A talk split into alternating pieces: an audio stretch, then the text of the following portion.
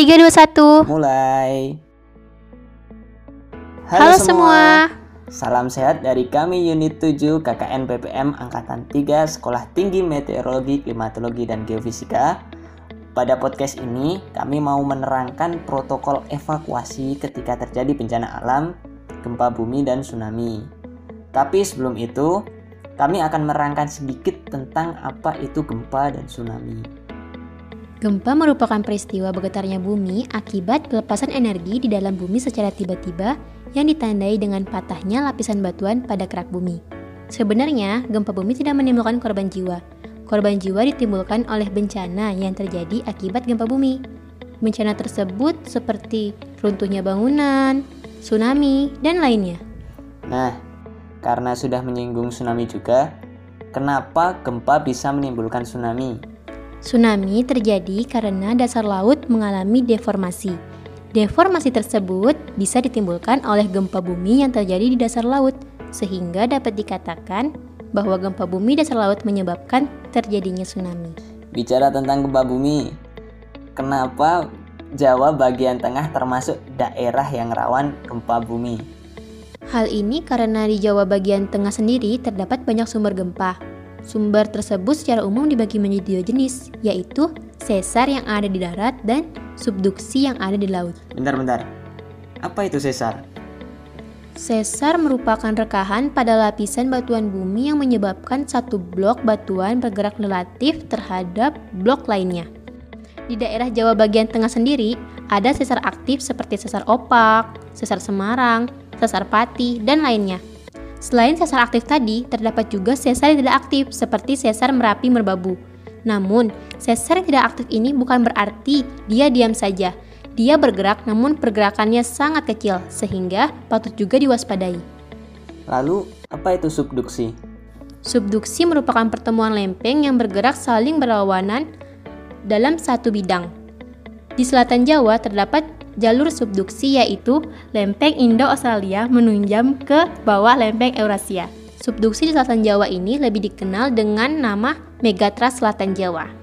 Ternyata lumayan banyak sumbernya. Ngomong-ngomong, sekarang kan sedang ada bencana, yaitu wabah COVID-19. Pertanyaannya, kalau pada saat seperti ini diperburuk lagi dengan terjadinya bencana alam seperti gempa bumi. Bagaimana? Karena ketika terjadi gempa bumi, masyarakat cenderung berdekatan.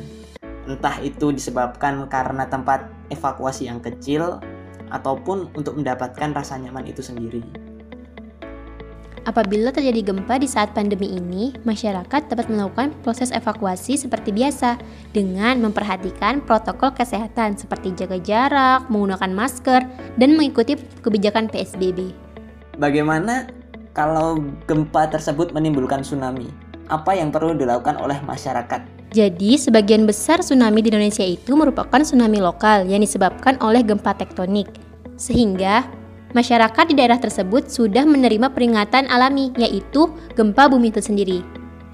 Jadi, jika masyarakat merasakan goncangan yang kuat atau gempa yang berayun lebih lama, masyarakat bisa segera melakukan evakuasi mandiri tanpa menunggu perintah peringatan ini ataupun perintah evakuasi dari pihak berwenang.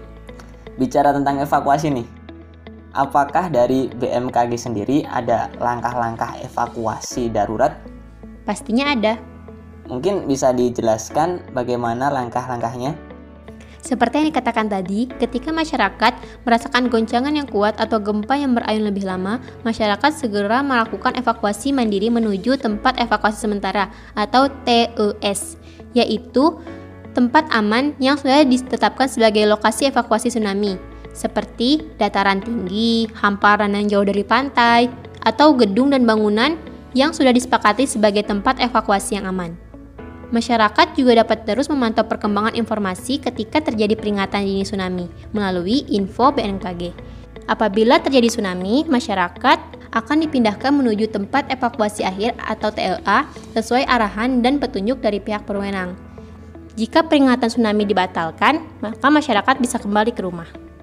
Nah, itu tadi merupakan langkah evakuasi ketika bencana tsunami terjadi.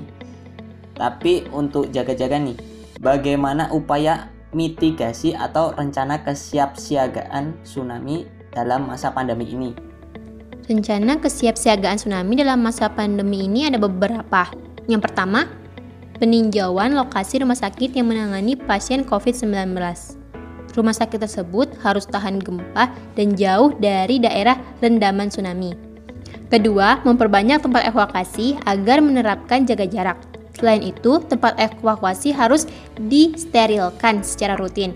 Kemudian, memastikan ketersediaan air bersih, peralatan cuci tangan, sabun, dan hand sanitizer. Kan banyak sekarang bangunan seperti sekolah, kampus yang tidak dipakai. Nah, itu bisa dijadikan sebagai tempat evakuasi pada masa ini. Ketiga, menyiapkan sarana, prasarana, dan protokol pekerja sosial. Perangkat pemerintah harus menyediakan cadangan APD untuk relawan yang membantu evakuasi dan menambah termometer pada peralatan P3K. Selanjutnya, melakukan sosialisasi agar masyarakat selalu menjaga jarak, menggunakan masker, dan menjaga kebersihan. Lalu, bagaimana cara evakuasi tsunami untuk orang-orang yang seperti kita tahu PDP, ODP, dan OTG? Karena angka ODP sendiri masih tinggi, sedangkan dalam berkehidupan masyarakat mereka diharuskan melakukan isolasi mandiri. Untuk PDP, pastikan petugas medis tahu jalur dan tempat evakuasi PDP dan non-PDP. Kemudian, sebaiknya pasien PDP ditempatkan di lantai atas agar terhindar dari tsunami. Selanjutnya, pada saat evakuasi, PDP diberikan tanda khusus seperti gelang dan dipisahkan dari non-PDP. Gunakan selalu APD dan pastikan alat-alat higienis. Untuk ODP, selain menerapkan protokol kesehatan, pemerintah memberikan tanda khusus, misalnya seperti pita atau masker berwarna pada saat evakuasi. Tempat evakuasi ODP juga dibedakan dengan masyarakat yang sehat dan tanpa gejala. Dan relawan-relawan yang membantu saat evakuasi dibekali APD dan termometer dalam kotak P3K. Untuk OTG, mereka dapat dievakuasi di tempat bersamaan dengan memperhatikan protokol kesehatan. Apabila pada saat evakuasi terdapat OTG yang sakit, maka harus diisolasi terpisah di tempat evakuasi. Hmm, baik, baik. Nah, dari awal tadi kita sudah membahas tentang apa itu gempa bumi, bagaimana bisa gempa menimbulkan korban jiwa, sampai ke langkah mitigasi bencana di masa pandemi ini. Mungkin sekian dulu podcast dari kami. Kami harap podcast ini dapat bermanfaat dan menambah pengetahuan kita tentang bencana gempa bumi dan tsunami serta langkah-langkah mitigasinya. Salam siaga, sehat dan sejahtera. Sampai jumpa di podcast selanjutnya.